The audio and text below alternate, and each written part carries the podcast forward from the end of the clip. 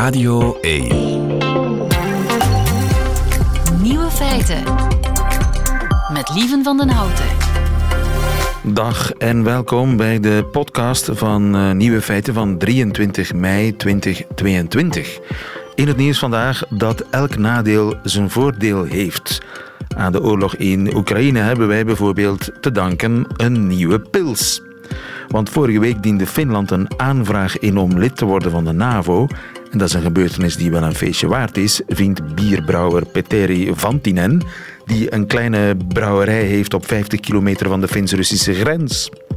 Op minder dan 24 uur ontwikkelde hij een nieuw biertje, de Otan Pils. Otan is de Franse naam voor de NAVO natuurlijk. En het is ook een verwijzing naar de Finse uitdrukking Otan Oluta, wat zoveel betekent als doe mij maar een biertje. Op de fles staat een tekening van een middeleeuwse ridder met het NAVO-logo op zijn schild. En wat zit er in de fles? Wel, volgens brouwer Van Tinen is Otan een licht biertje dat naar veiligheid smaakt met een vleugje vrijheid. Nou, noem mij er dan maar twee. De andere nieuwe feit, het is slecht gesteld met de biodiversiteit in prentenboeken. Is het nu Madame le Premier Ministre of Madame la Première Ministre in Frankrijk? Alex Visorek gaat op onderzoek. Alleen diplomatie kan een einde maken aan de oorlog, zegt Zelensky. Is dat nu een bocht? Met Jens Fransen kijken we in de toekomst van de Oekraïnse oorlog. En de nieuwe feiten van Nico Dijkshoorn, die hoort u in zijn middagjournaal. Veel plezier. Nieuwe feiten. President Zelensky van uh, Oekraïne die, uh, doet opvallende uitspraken tegenwoordig. We kunnen misschien zelfs spreken van een bocht. Goedemiddag, Jens Fransen. Goedemiddag, lieven. Jens, je bent onze defensiespecialist en ik ben een beetje verbaasd, want tot vorige week klonk het nog we willen winnen bij de Oekraïners. Ja. Gewoon de volledige overwinning, daar gaan we voor. En sinds dit weekend is de taal opvallend veel zachter geworden.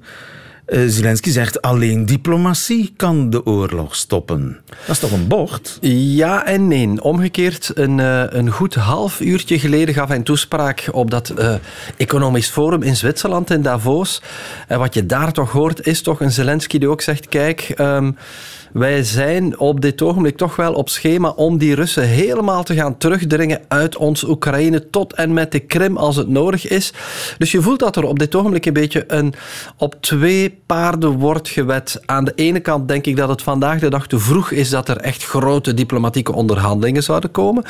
Maar sluit dat uit dat er gepraat kan worden? Absoluut niet. Want wat je vandaag de dag merkt is dat er aan beide kanten bijvoorbeeld heel wat krijgsgevangenen zijn.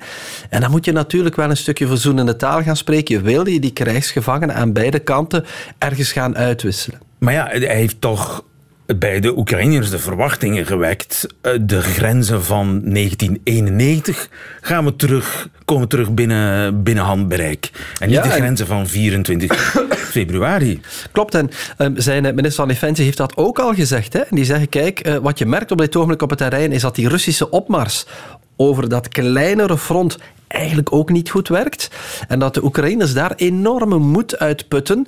Rekening houdende ook dat er aan de achterkant van het front in Polen, in Duitsland, op dit ogenblik honderden Oekraïners getraind worden met nieuw militair materieel.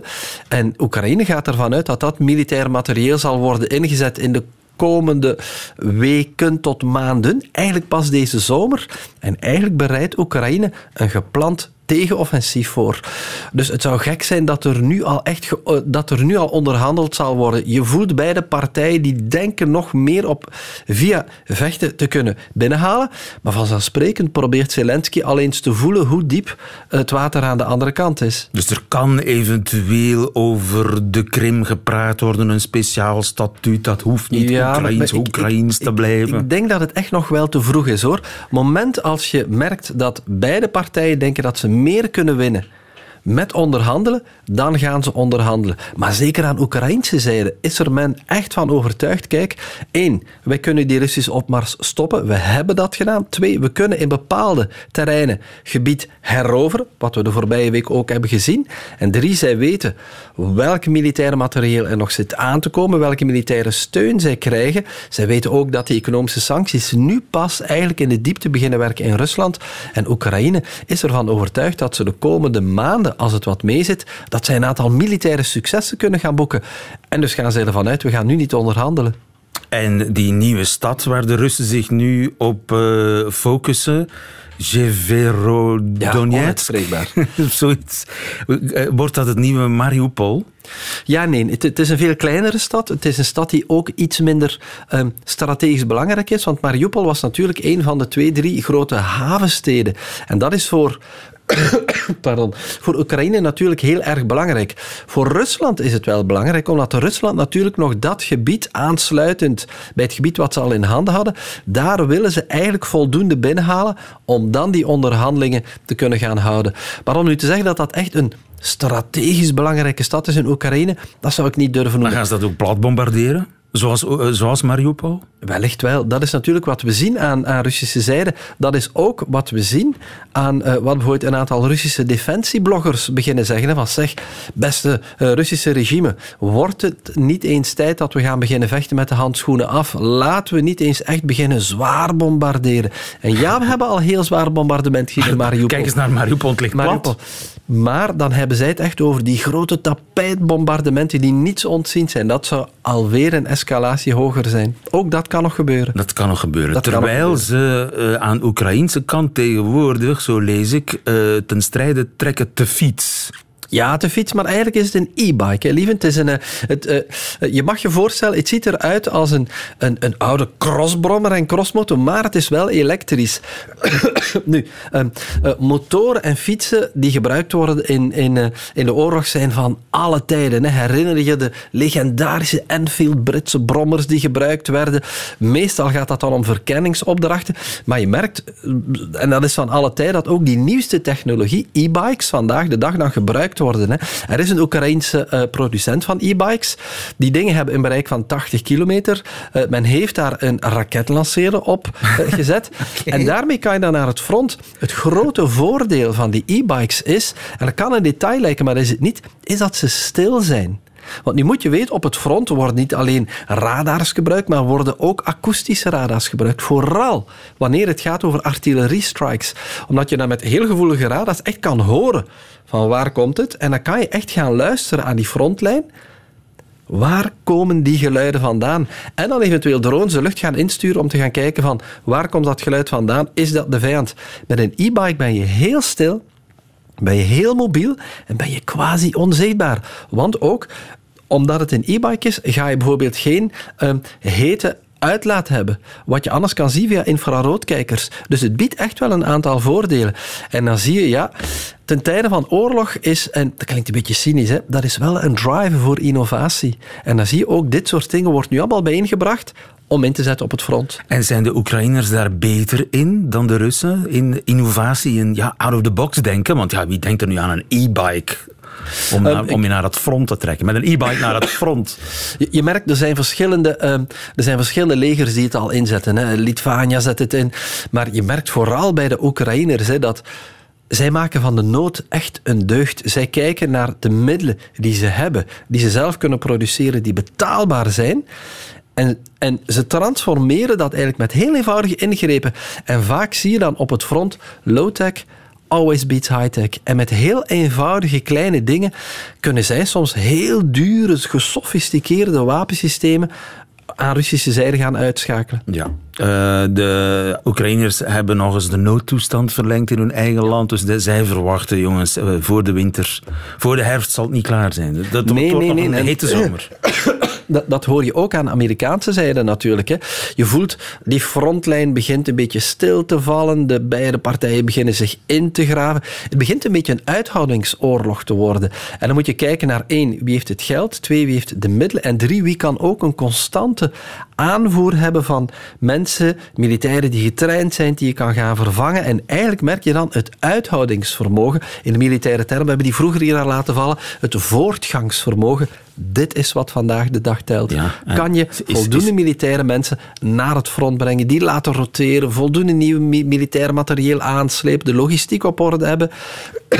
Het klinkt als Rusland is toch nog altijd in het voordeel op lange termijn.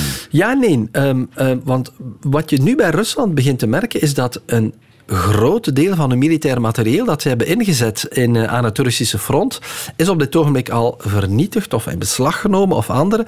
En men begint aan Russische zijde, moet men de stoks beginnen uh, gaan halen. Maar men is dan gaan kijken van hoe is dat militair materieel bijgehouden. En je hebt daar een aantal klassificaties in. En dan merk je dat het voor Rusland, zeker als zij vandaag de dag omwille van economische sancties niet zomaar nieuwe tanks en militair materiële kunnen gaan beginnen bijbouwen, laat staan bijvoorbeeld uh, vliegtuigmotoren of dat soort dingen, begint Rusland op een bepaald moment ook naar adem te happen. En dat is natuurlijk waar Oekraïne op uit is. Want zij weten, kijk, uh, oké, een groot deel van Oekraïne en van de militaire infrastructuur mag dan wel plat gebombardeerd zijn in Oekraïne. Maar zij hebben natuurlijk aanvoerlijnen vanuit het Westen. Ja. Dus drie maanden ver in de oorlog en de ware uitputtingsslag die moet nog beginnen. Laatste vraag, Jens. Ben je besmettelijk? Ik ben niet meer besmettelijk. Dankjewel, Jens Fransen. Gedaan. Nieuwe feiten. Coucou de France. Met Alex Visorek stipt als altijd op maandagmiddag onze landgenoot Alex Visorek in Parijs. Eh, mijn collega bij Radio France, France Inter. Goedemiddag Alex. Goedemiddag, lieve goedemiddag Vlaanderen. Witte rook boven l'Elysée. Frankrijk heeft sinds vrijdag een nieuwe regering. Felicitations. Ja, felicitations. Vier weken na de verkiezingen voor Franse standaarden is dat heel lang. Ja, voor ons Belgen dat is uh, vrij kort. Maar uh, het uh, nam Macron voor altijd om een eerste minister te benoemen. En het is een opmerkelijk eerste minister geworden. Madame la première ministre. Madame la première ministre. Ja. Een vrouwelijke premier voor Frankrijk. Ja, abemus madame. Elisabeth Borne wordt de bewoner van Matignon, de ambtswoning van de Franse eerste ministers. Luister maar uh, naar het enthousiasme op deze conservatieve zender. Une femme à Matignon, on attendait ça, enfin en tout cas beaucoup attendaient ça depuis maintenant 31 ans. Ja, sinds 31 jaar uh, ja. wachten we, we wachten daar al 31 jaar op. Op, ja. op een vrouw in Matignon. Al dus deze... Ja, wij wachten, zegt sommigen wachten, Aha, okay. wilde uh, die man zeggen. Elisabeth Borne is uh, inderdaad de tweede vrouw die deze functie krijgt. Want 31 jaar geleden werd Edith Cresson eerste minister onder François Mitterrand. Dat werd als een heel belangrijke stap gezien, behalve door Edith Cresson zelf. C'est ressenti d'une façon importante parce que oui, c'est nouveau. Bon, ben, les, les, femmes sont des êtres humains doués d'un cerveau. Il faudrait quand même pas l'oublier. Ja, vrouwen zijn menselijke wezens met verstand, dus what's the big deal? Ja, de puntjes op de i gezet, dus door Edith Cresson. 31 jaar later staan we misschien nog uh, veel verder, want het blijft hier speciaal dat de eerste minister van Frankrijk een vrouw is. Het is maar de tweede keer, maar als je precies wil zijn, is het eigenlijk ook de eerste keer. Symboliquement, c'est la première première ministre, puisque 91, Edith Cresson a été nommée premier ministre. Oké, okay, ze wordt de eerste première ministre. Ja. Want 31 jaar geleden was Edith Cresson officieel premier ministre. Ja, benoemt dezelfde titel als een man. Ja, Emmanuel Macron heeft het zo geschreven in het officieel bericht. Elisabeth Borne wordt la première ministre de la France. De Fransen zijn nogal uh, pietje precies met dit soort dingen. En dat is dus een debat dat hen al een hele week bezighoudt. Zullen zijn zei Elisabeth Borne Madame la premier ministre of Madame le premier ministre noemen. Dus vorige maandag heeft Macron een uh, premier gevonden. Nu moest die premier de regering vormen met Macron. En dan was het afwachten. En voor de media is afwachten heel moeilijk. Ze hadden de spanning oog. Na één dag niks, nog een tweede dag niks, nog steeds niets. Ze gingen het meteen vragen aan de nieuwe premier-ministre. Qu'est-ce qui met du temps Le remaniement. Enfin, je, attendez, monsieur, moi j'ai été nommé il y a quelques jours et je vous dis, on va pas se mettre la pression. Ja, waarom duurt het zo lang? Vraagt eh, de pers. Wacht even, meneer. Ik werd er een paar dagen geleden pas benoemd. We gaan ons toch niet onder druk laten zetten? Antwoord ja. Madame la Première.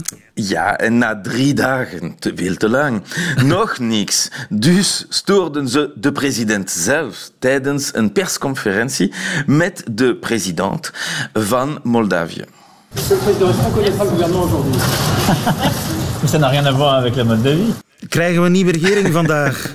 Vraagt die eh, journalist. Maar dat heeft toch niks te maken met Moldavië, antwoordt eh, Macron. Ja, nu als Belg kan je je afvragen hoe je na drie dagen regeringsvorming al ongeduldig kan zijn. Wel, normaal gezien gaat het inderdaad heel vlug. Een rechtse president koos een rechtse premier die rechtse minister benoemde. Uh, rechtse punt.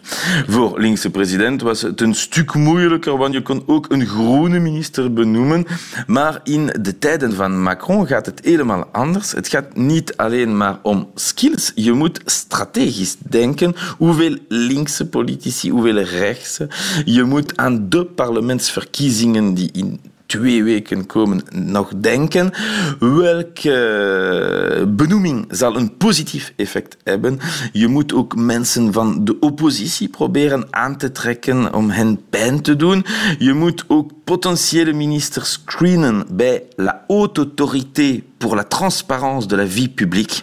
Een instantie die alles weet over uh, hun vermogens, belangen en fiscale situatie om uh, toekomstige problemen te vermijden. En voor de media en de Fransen wordt na een spannende week uiteindelijk regering aangekondigd op de minst spannende manier.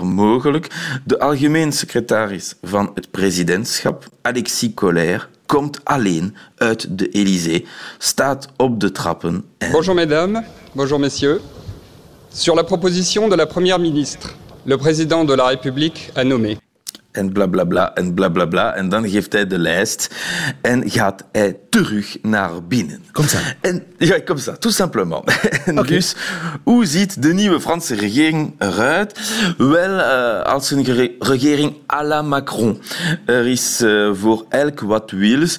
Er zijn minister van, ministers van links, maar ook ministers van rechts. Uh, grote namen van de vorige regering, zoals de minister van Economie, van Binnenlandse Zaken en van Justitie behouden hun functie.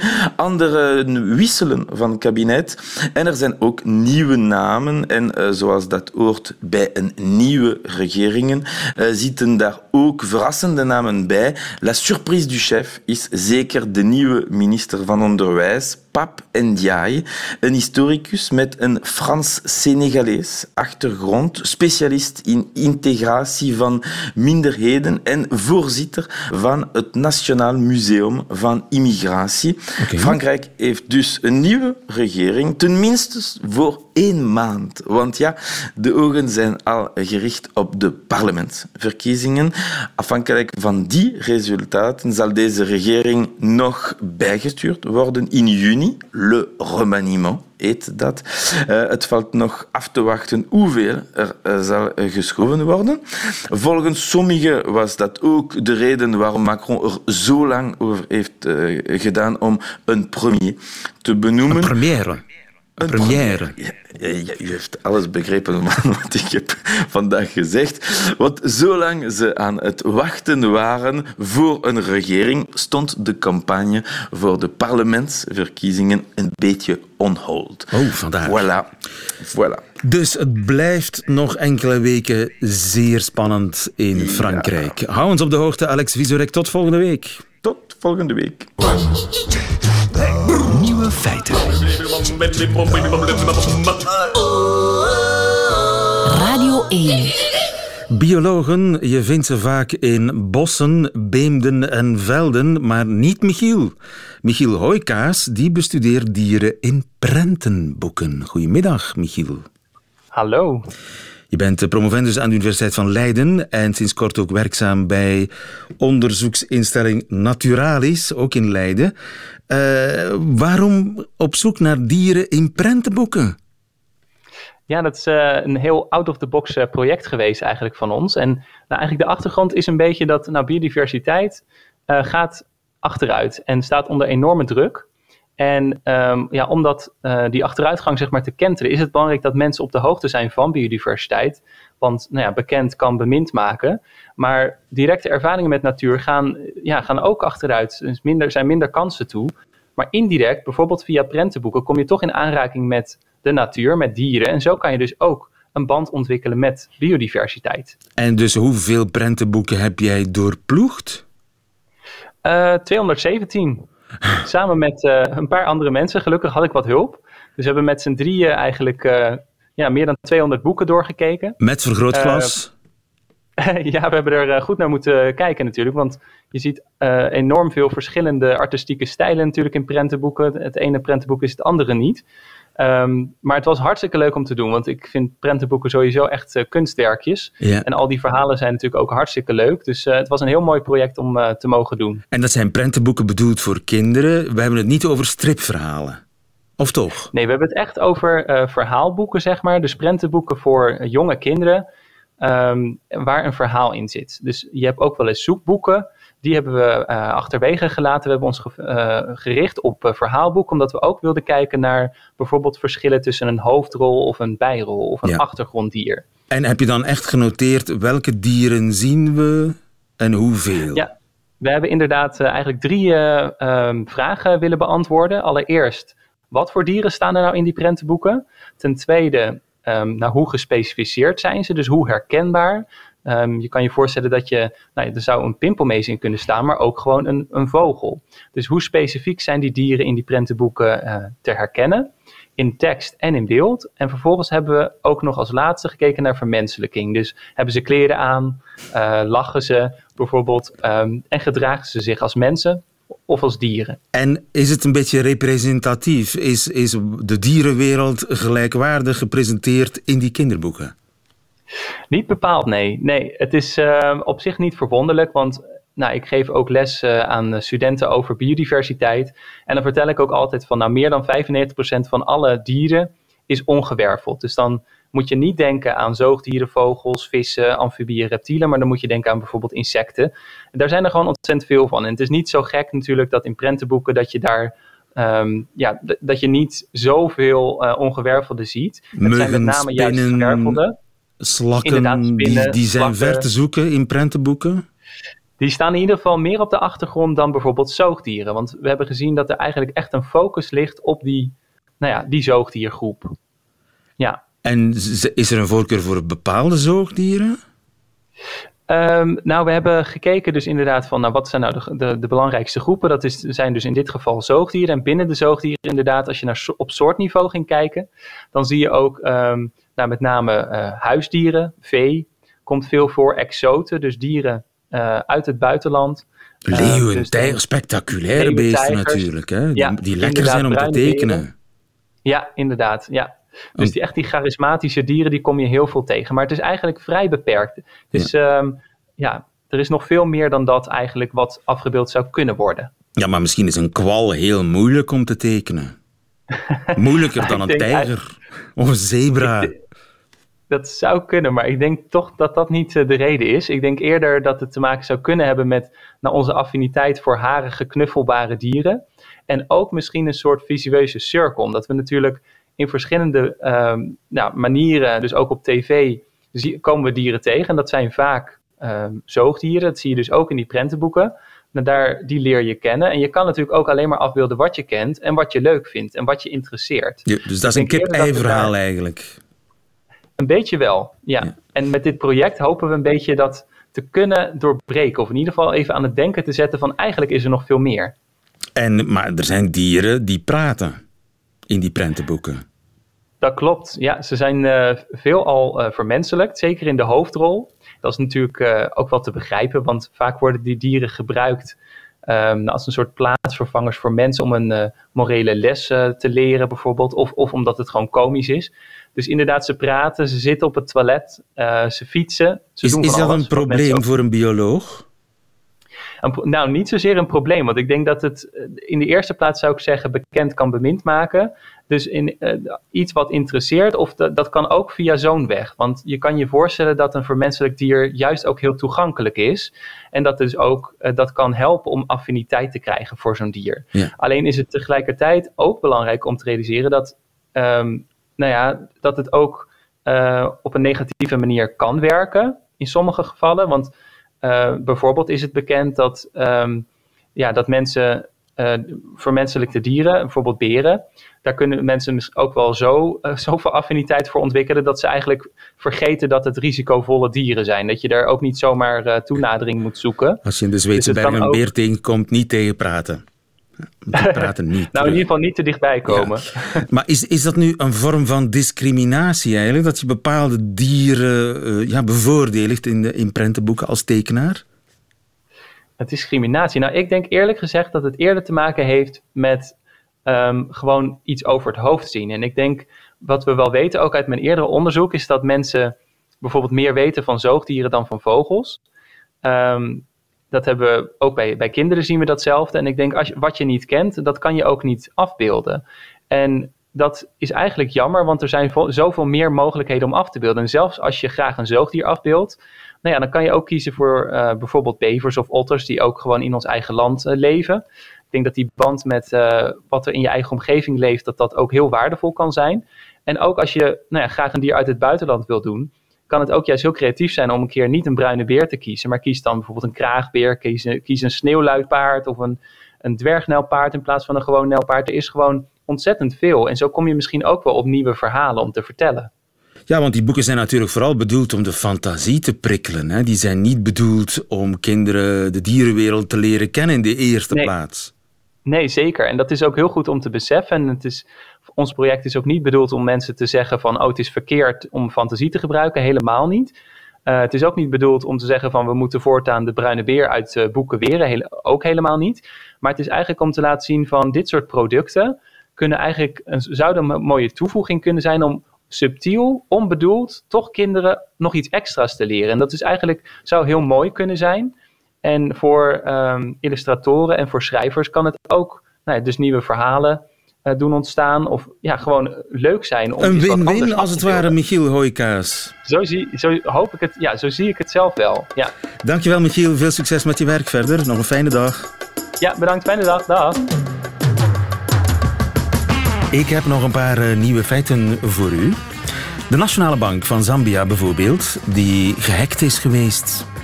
Vorige week werd hun uh, IT-systeem geblokkeerd door een ransomware. Dat is een cyberaanval waarbij diensten geblokkeerd worden tot het slachtoffer losgeld betaalt aan de hacker. Maar de Bank van Zambia die reageerde nogal baldadig. In plaats van geld kreeg de hacker een dikpik. En ik kan u verzekeren, een dikpik uit Zambia, dat komt aan. Met daarbij de boodschap, stik hierin en leer zelf geld te verdienen. Even werd er getwijfeld of de bank zelf achter het antwoord zat, maar in een reactie zei de technische directeur dat de kerninfrastructuur intussen is beschermd en dat ze niet hoeven te betalen. We hebben de hackers dus wandelen gestuurd, vertelde die.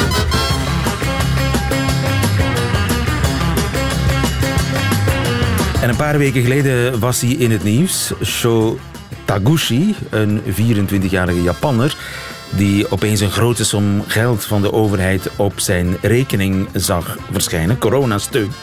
Coronasteun, want in Japan krijgt elke inwoner overheidssteun. Maar door een fout bij de administratie kreeg Taguchi de centen van alle inwoners van zijn dorp op zijn rekening. Het ging om 340.000 euro ongeveer. Wel, intussen is Taguchi gearresteerd. In plaats van het bedrag terug te storten aan de overheid, heeft hij uh, helaas alles verspeeld in online gokwedstrijden.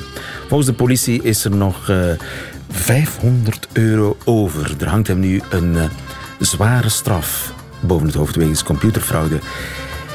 En dat dus allemaal in Japan. Maar ik heb nog iets uit Engeland. Iets makkelijks, want uh, ja, de Britse conservatieven die zitten al een tijdje in een lastig parket. Niet alleen wegens eh, boetes voor illegale coronafeestjes, maar uh, wegens porno kijken in het parlement.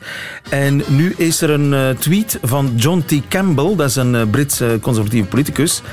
En hij schrijft: Dit is het dit is het ding met meisjes jonger dan 22, schrijft die man op Twitter.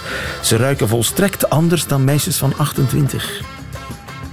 Juist, ja. Meisjes van pakweg 16, zo gaat hij verder, die hebben die zoete boterige geur die ongelooflijk aantrekkelijk is. Oeps. De Tory-kandidaat kreeg de woede van twitterend Groot-Brittannië over zich. Wat een ongepaste tweet ook. Zijn account is intussen privé gemaakt en de conservatieve partij verontschuldigde zich. De conservatieven kregen de voorbije tijd regelmatig te maken met seksschandalen. Dus dat soort tweets kunnen ze wel missen. We gaan deze week naar Leiden, naar de keuken van Nico Dijkshoorn. Nieuwe feiten.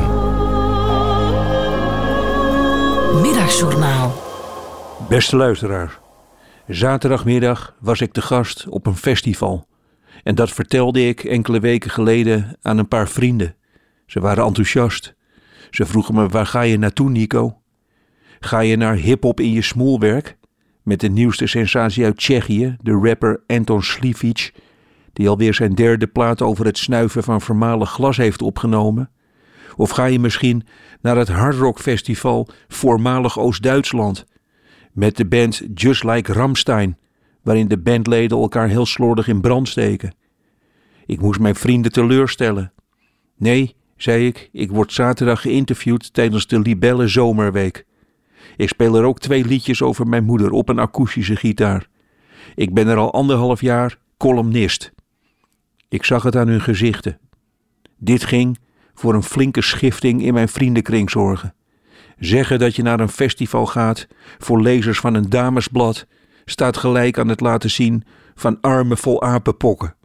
Iedereen blijft opeens uit je buurt. En ik snap daar helemaal niets van. Ik ben op alle grote festivals geweest. Ik ging meerdere keren naar Werchter. Mijn herinneringen: een bezweten man met naakt bovenlichaam die zijn behaarde oksel op mijn nek legt als hij over mijn hoofd twee zakken friet van 9 euro per stuk wil aanpakken. Ik herinner mij ook iedere loeiende en schreeuwend klaarkomende man of vrouw in het tentje vlak naast mij. Op Lowlands piste ik liever over mijn eigen buik dan dat ik naar een van de mobiele toiletten moest, die eruit zagen als een ontplofte rioleringsbuis. Nee, luisteraars, dan zaterdagmiddag. Ik heb met volle teugen genoten. Ik moest mij op weg naar het podium tussen duizenden vrouwen doorwurmen. En geen één vrouw rook er naar verrotte makreel. Allemaal roken ze naar een gezellige vrouw. Iedereen had zes vriendinnen meegenomen naar de Libelle Zomerweek. Vlak voor mijn interview was er een modeshow. Voor ieder jurkje werd hard geapplaudiseerd. Na mijn optreden ben ik over het festivalterrein gaan lopen. Er waren allemaal bankjes neergezet, zodat je niet zoals bij Pinkpop 19 uur op je benen moest staan of met je reet in de modder moest gaan zitten. Om mij heen liepen vrouwen met boodschappentassen vol leuke, lieve dingetjes die ze thuis aan iemand gingen laten zien die heel veel van ze hield. En daarom wil ik hier een verklaring afleggen. Ja, ik ben een libelleman. Ja, je laten opmaken in een cabine, dat is wel leuk. Ik heb geen één keer een aandachtszieke festivalbezoeker zien stage diven. Luisteraars, het was een prachtige dag.